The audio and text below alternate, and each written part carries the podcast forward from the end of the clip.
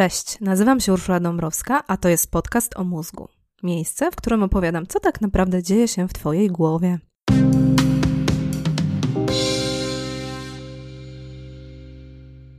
Na co dzień robisz to, co robisz, myślisz tak, jak myślisz i czujesz, co czujesz. Ale właściwie dlaczego tak, a nie inaczej? Uważam, że jest to pytanie zasadnicze. Hardware i software człowieka fascynują mnie od lat i chcę się tą fascynacją dzielić z Tobą. Dlatego właśnie umysł, mózg i różne aspekty psychiki to tematy kolejnych odcinków tego podcastu. Dzień dobry. U mnie głęboki listopad. Miesiąc, który mógłby nie istnieć. Dla mnie co roku to trudny czas akceptowania, że letnie brykanie naprawdę się skończyło. Nie ma, nie było i proszę się nie dowiadywać. To znaczy było i będzie, ale w środku listopada naprawdę ciężko mi w to uwierzyć. Rozmawiam z różnymi osobami i słyszę podobne głosy. Są oczywiście super wymiatacze, którym niegroźne są plucha, ciemność i jesienne zawieje. Pozdrawiam Was serdecznie, serdecznie i z zazdrością, bo z moich obserwacji jesteście jednak w mniejszości. Z kim nie rozmawiam, ten ma doła, czuję, że zaraz będzie mieć doła, albo ma w domu kogoś z dołem. Jestem z Wami, moi kochani zdołowani. I od razu ważna, może najważniejsza sprawa. Jeśli czujesz, że twój dół daje ci porządnie w kość albo dezorganizuje ci życie, to się nie wahaj i zgłoś do specjalisty. Lepiej chuchać na zimne. Psychiatra, psycholog albo psychoterapeuta pomogą ci rozstrzygnąć, czy to tylko jesienny smuteczek, który minie z pierwszym mrozem, czy jednak warto się trochę podreperować lekami albo terapią, albo jednym i drugim. Słuchanie podcastów to fajna sprawa i dobrze wiedzieć, jak się samego samą obsługiwać, ale wiesz, jak jest. Zdrowie, w tym zdrowie psychiczne, lepiej ogarniać ze specjalistą. Co powiedziawszy, zapraszam do odcinka o tym, jak sobie sami dolewamy oliwy do ognia. Opowiem Ci o siedmiu zaniedbanych aspektach życia, które nie tylko na jesieni pychają nas do doła, a potem utrudniają wyjście z niego. Jeśli chodzi o podejście do doła, to świat dziś dzieli się na dwa obozy. Szczególnie ten świat online, gdzie każdy jest ekspertem od wszystkiego. Połowa internetowych specjalistów rozwiązuje wszystko w trybie instant. Faszeruje się energetykami, suplementami i na wszystko ma jakąś tabletkę. To grupa pod tytułem Masz problem? Znam lek, który go rozwiąże.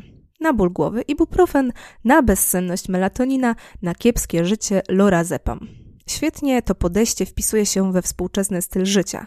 Wszystko powinno być natychmiastowe, dostępne i do kupienia.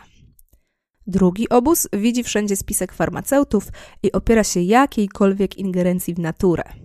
Jedyne co wchodzi w grę to witamina D, aromaterapia i aktywność fizyczna. Ten obóz na hasło depresja, dół, kryzys częstuje dużą dawką empatii, ale średnio skuteczną pomocą.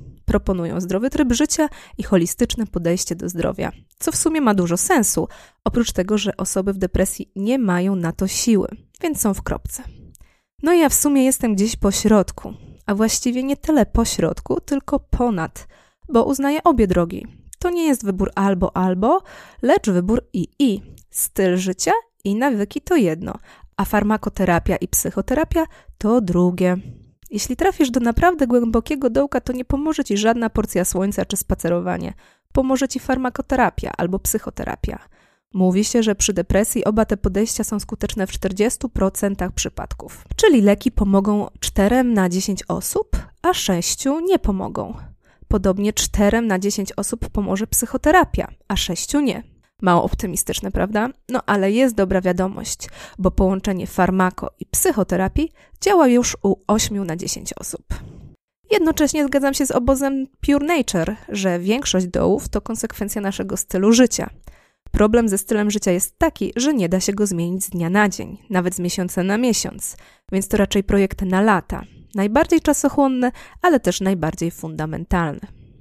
Warto też podkreślić, że osoby w terapii, farmakoterapii czasem mogą wpaść w pułapkę, że skoro biorą leki i chodzą na terapię, to już pozamiatane. Zapominają, że ich styl życia może dokładać się do ich problemów.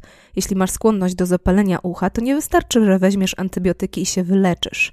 Warto byłoby też kupić sobie porządną czapkę albo nauszniki i może zrezygnować z basenu w okresie jesienno-zimowym. Jeśli masz skłonność do wpadania w dołki, to też dobrze popatrzeć, czy przypadkiem jakieś stałe elementy Twojego życia nie pogłębiają Twojej skłonności.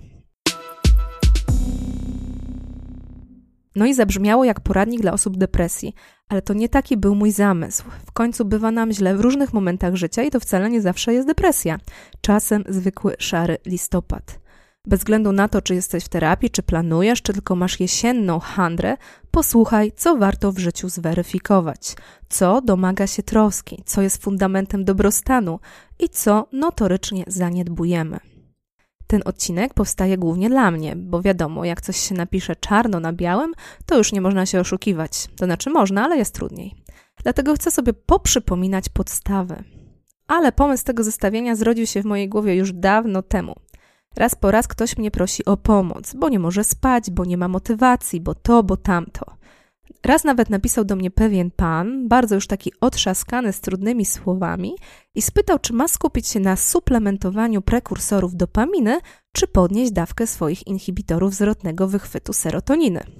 Bo mu się nie chce i już nic nie smakuje jak kiedyś.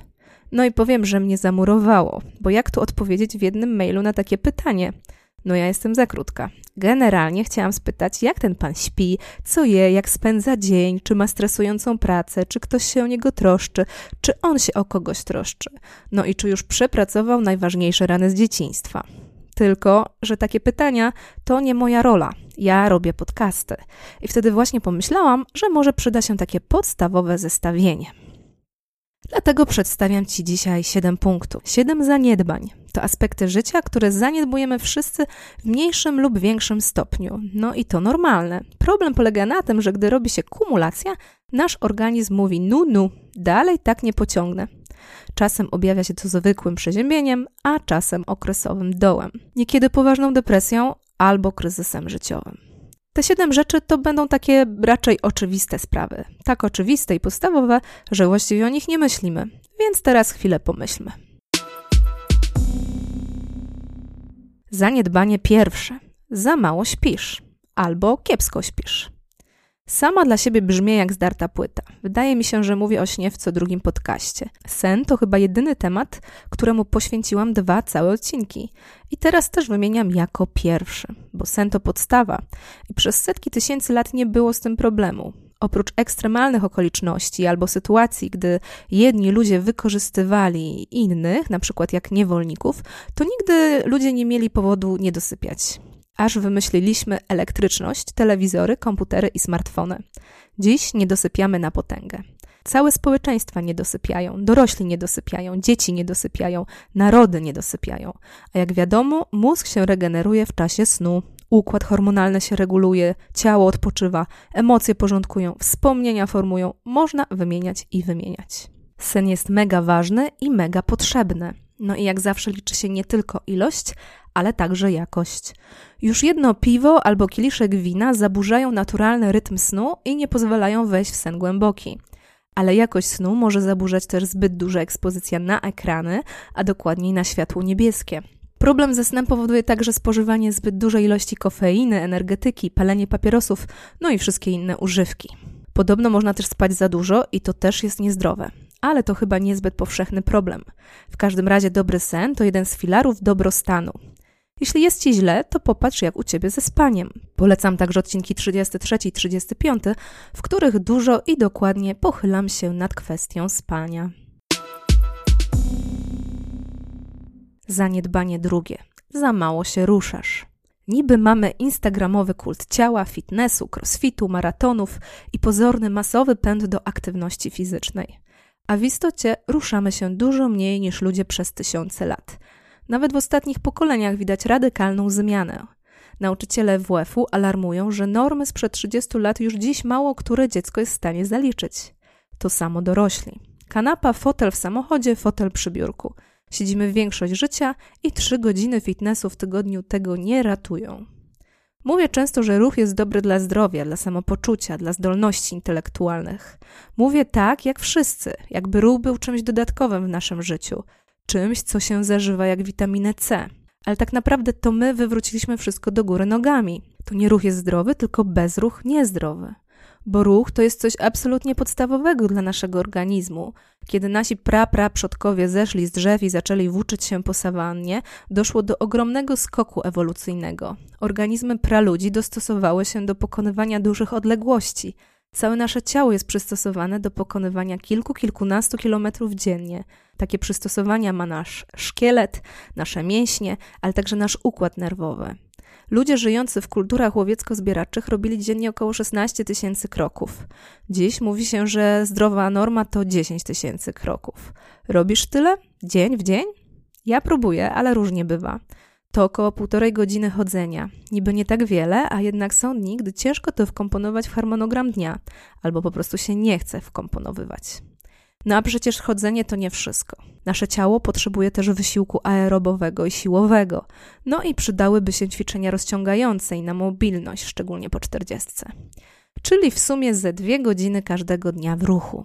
Dla osoby, która ma jakiegoś rodzaju pracę fizyczną, nic trudnego. Ale dla przeciętnego pracownika biurowego, który ma jeszcze jakieś obowiązki domowe, wcale nie taka łatwa sprawa. A organizm tego właśnie potrzebuje. I mówiąc organizm, mam na myśli nie tylko ciało, ale także mózg. O tym już też mówiłam w podcaście, w odcinku 10 pod tytułem Jest ruch, jest życie. Tu tylko przypomnę, że aktywność fizyczna silnie wpływa na działanie układu nerwowego. Porządny wysiłek stymuluje produkcję endorfin, endokanabidoidów, dopaminy, serotoniny i noradrenaliny. Te wszystkie substancje pomagają mózgowi dobrze funkcjonować, a nam dobrze się czuć. Jeśli zaniedbujemy ruch, to siłą rzeczy zaniedbujemy dobrostan psychiczny.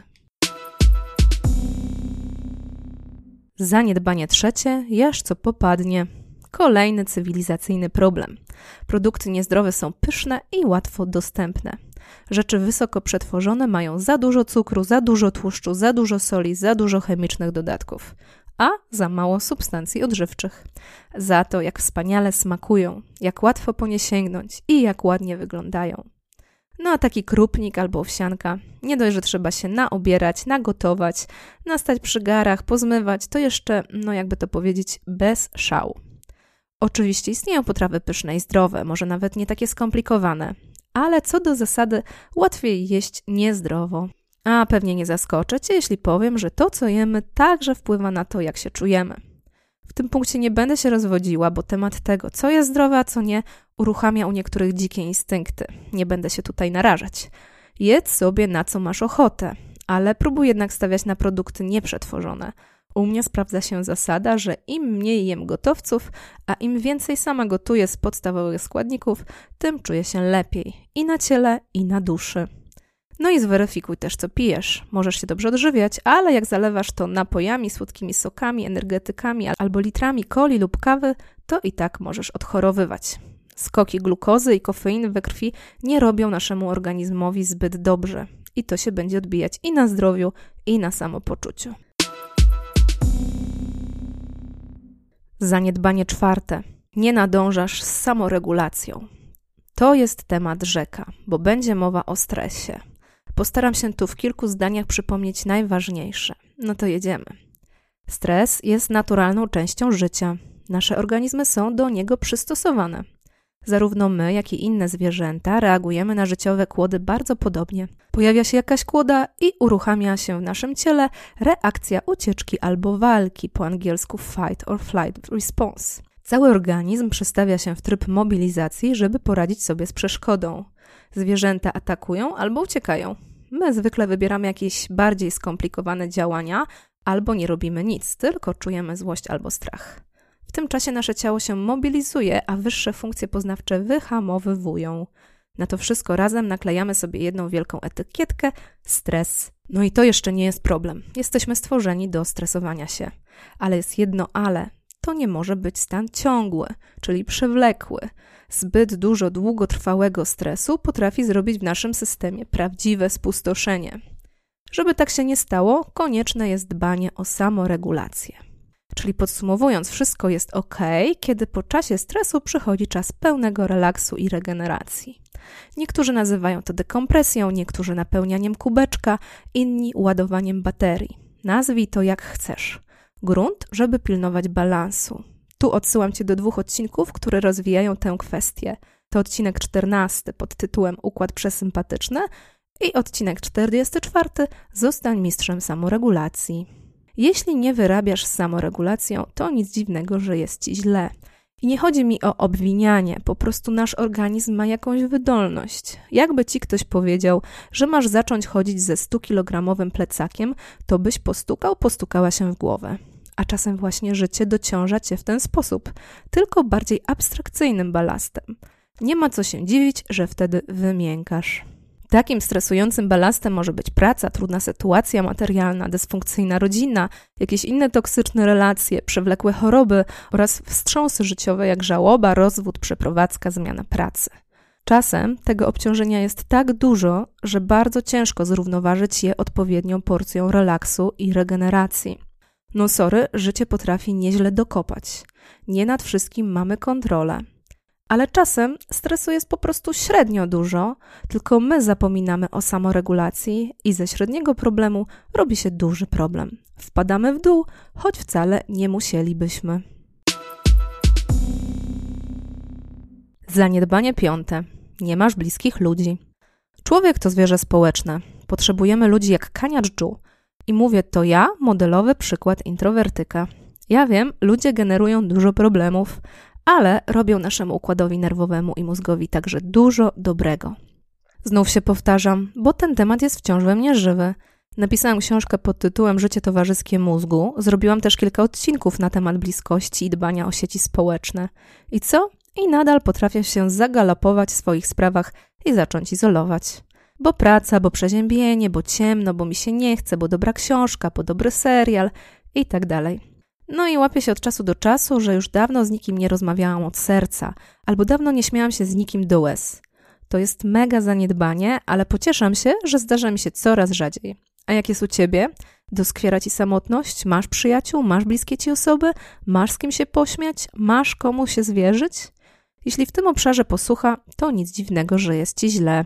Człowiek przetrwał do XXI wieku tylko dlatego, że nie stronił od towarzystwa, tylko dlatego, że potrafił budować bezpieczne relacje, trwałe sojusze, mocne sieci wsparcia. My dzisiaj mamy to niby w genach, ale znów na przeszkodzie stoi cywilizacja. Nasze rodziny są coraz mniejsze, wyjeżdżamy na studia i porzucamy rodzinne środowisko. Czasem trudno nam zbudować nowe. Jesteśmy zabiegani, zapracowani i żyjemy w anonimowych osiedlach. No nie jest łatwo. Kiedyś ludzie mieli wokół siebie dużo innych ludzi, bo tak po prostu było. Dziś o nasze kręgi bliskości musimy zatroszczyć się sami. Jeśli tego nie robimy, to świadomie lub nie skazujemy się na gorsze samopoczucie. Zaniedbanie szóste. Myślisz tylko o sobie. No i teraz chyba Cię zaskoczyłam, co? Tego wątku jeszcze w podcaście o mózgu nie było. Przynajmniej nie wprost. A to ważna sprawa. Wiem, że psychoedukacja skupia się na samoakceptacji, samoregulacji, samomiłości i samodzielności. Ale na samo też się zaczyna samotność, więc nie ma co się rozpędzać. To już ustaliliśmy w punkcie piątym. Ja w moich podcastach też skupiam się na samoobsłudze człowieka. No i nie odżegnuję się od tego. Daję dużo rad, jak żyć szczęśliwie, zdrowo, długo, komfortowo. To prawda, ale w tle tego przyświeca mi hasło zadbaj o siebie, żeby móc dbać o innych. Na marginesie dodam, że taki podtytuł ma książka Spadla Umysłu, którą pisałam parę lat temu razem z profesorem Rafałem Ome. I to hasło zadbaj o siebie, żeby móc dbać o innych mocno zapadło mi w serduszku. Tak to jest, że dorośli ludzie mają potrzebę troski nad kimś drugim. Po pierwsze nad rodziną, dziećmi, ale także nad swoją bliską społecznością. To również jest nasza ewolucyjna scheda. Ci ludzie, którzy troszczyli się o swoje plemię, swój klan, przez pokolenia przekazywali swoje geny dalej, w tym geny troski o innych. Kapitalizm i indywidualizm zachodniego świata wtłacza nas od kilku stuleci w zupełnie inne myślenie. Bardziej lub mniej na wprost dostajemy komunikat, że będziemy tym szczęśliwsi, im więcej będziemy posiadać albo doświadczać. I do pewnego stopnia to prawda, szczególnie gdy jesteśmy młodzi ale gdzieś w okolicach trzeciego krzyżyka ten przepis na szczęście rozsypuje się w zdarzeniu z rzeczywistością. Życie tylko dla siebie i robienie wszystkiego, żeby było mi milej i lepiej, jakoś przestaje smakować. Jeśli masz wtedy dzieci, to okoliczności rozwiązują ten problem za ciebie. Zaczynasz troszczyć się o innych. Jeśli jesteś sam, sama albo w związku bez dzieci, to już robi się trudniej. No ale na to też są rozwiązania. Można wziąć psa albo kota, albo przenieść troskę na trochę bardziej abstrakcyjny poziom i wziąć odpowiedzialność za dobro jakiejś społeczności, grupy, akcji charytatywnej i tym podobne. Jedno jest pewne, jeśli myślisz tylko o sobie, to żebyś nie wiem ile wkładał, wkładała w dbanie o swój dobrostan i tak będzie ci źle. Zakładając, że nie jesteś narcyzem albo psychopatą, no ale zakładam, że skoro mnie słuchasz, to nie jesteś. Zaniedbanie siódme. Nie rozwijasz się. Na koniec coś już bardziej o mózgu, a mniej o ewolucji. Ostatnie zaniedbanie to kapcanienie, czasem znane także jako dziadzienie. Ja to mam nawet wiele zrozumienia dla takiej postawy, no bo jak rok za rokiem mija, kolejny krzyżyk na karku, dużo wrażeń na koncie, to naturalnie człowiek chciałby odpocząć, zażyć przyjemności odpuszczania, porozkoszować się rutyną, przewidywalnością i spokojem. Zamiast ciągle w stresie, poprzebywać w trybie pełen relaks. Ja to naprawdę rozumiem i myślę, że dobrze sobie taki czas dać, a najlepiej dawać, ale nie trwać w nim zbyt długo, a już na pewno nie uznać tego stanu za docelowy. Mózg potrzebuje wyzwań, potrzebuje treningu, potrzebuje się rozwijać, a nie tylko powtarzać schematy. Tu proszę odśwież sobie odcinek 11 o neuroplastyczności, no i odcinek 34 Gibkie mózgi superseniorów. Nie chcę już przedłużać, w każdym razie zaniedbywanie rozwoju to też droga do psychicznego dołka. Jesteśmy gatunkiem, który lubi osiągać, doskonalić się, odkrywać nowe terytoria, eksplorować możliwości. Gdyby tak nie było, to gry komputerowe i te na telefon nie miałyby takiego powodzenia. Każdy chce osiągnąć kolejny level. I tak samo jest w życiu. Potrzebujemy osiągać kolejne levele, żeby czuć, że żyjemy, żeby nie czuć się źle. To teraz ekspresowe podsumowanie. Po pierwsze, czujesz się źle, kiedy zaniedbujesz sen, więc uporządkuj swój rytm dobowy. Połóż się wcześniej, wstań później i powtórz ten schemat, aż zrobi ci się lepiej. Po drugie, czujesz się źle, kiedy zaniedbujesz aktywność fizyczną. Idź rano na spacer. Światło słoneczne przed południem pomoże wyregulować ci rytm dobowy. Idź na spacer wieczorem, dotlenisz się i zrelaksujesz, to będzie ci łatwiej zasnąć. Powtarzaj ten schemat, aż poczujesz się lepiej. Po trzecie, czujesz się źle, bo kiepsko jesz. I znów idź na spacer, ale tym razem na pobliski bazarek. Weź plecak i załaduj go lokalnymi, nieprzetworzonymi produktami. Będziesz mieć z czego ugotować domowy posiłek, a do tego zrobisz trening siłowy. Po czwarte, czujesz się źle, gdy zaniedbujesz samoregulację. Znajdź sposób i czas na relaks oraz ładowanie akumulatorów. Zgadłeś, zgadłaś, to może być spacer. Spacerowaniem podbudujesz aż 4 z 7 punktów, ale spokojnie, to może być Twój własny sposób. Tego musisz nauczyć się sam, sama, metodą prób i błędów.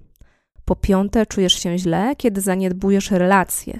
Samotność to plaga, a izolacja to ślepa uliczka. Tkaj swoją sieć społeczną do skutku. Jeśli nie po drodze ci z tymi, to szukaj innych, ale nie zaniedbuj relacji międzyludzkich. Po szóste, jest ci źle, gdy myślisz tylko o sobie. To paradoks, ale taki jest nasz gatunek. Po trzydziestce, a już na pewno po czterdziestce, najwięcej szczęścia daje uszczęśliwianie innych. Niektórzy nazywają to miłością, a wiadomo, all you need is love. Po siódme, jest ci źle, gdy osiadasz na laurach. Dlatego ucz się, doświadczaj, podróżuj, rozwijaj, dokształcaj, odmieniaj i przemieniaj. No i to tyle. Trzymam kciuki. Sama parę rzeczy tej jesieni zaniedbałam, więc teraz zabieram się do kilku korekt.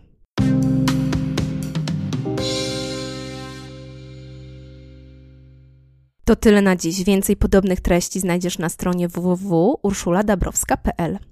A teraz mała prośba z mojej strony. Jeśli możesz, to wesprzyj moją działalność. Każdy odcinek, który publikuję, jest w pełni autorski. Również i ten przygotowałam z potrzeby dzielenia się wiedzą. Wiedzą o mózgu i biologicznych podstawach ludzkiej psychiki. Podcasty udostępniam w internecie za darmo, ale każde wynagrodzenie to dla mnie dodatkowy bodziec motywacyjny. Więc jeśli chcesz i możesz się odwdzięczyć, to kup mi kawę. Wystarczy, że wejdziesz na stronę buycoffee.tu łamane podcast o mózgu i bez jakiegokolwiek logowania zasponsorujesz mi espresso, cappuccino albo latte. Bezpośredni link do tej platformy znajdziesz też na stronie www.urszuladabrowska.pl. Dobrego dnia, dobrej nocy, Ula.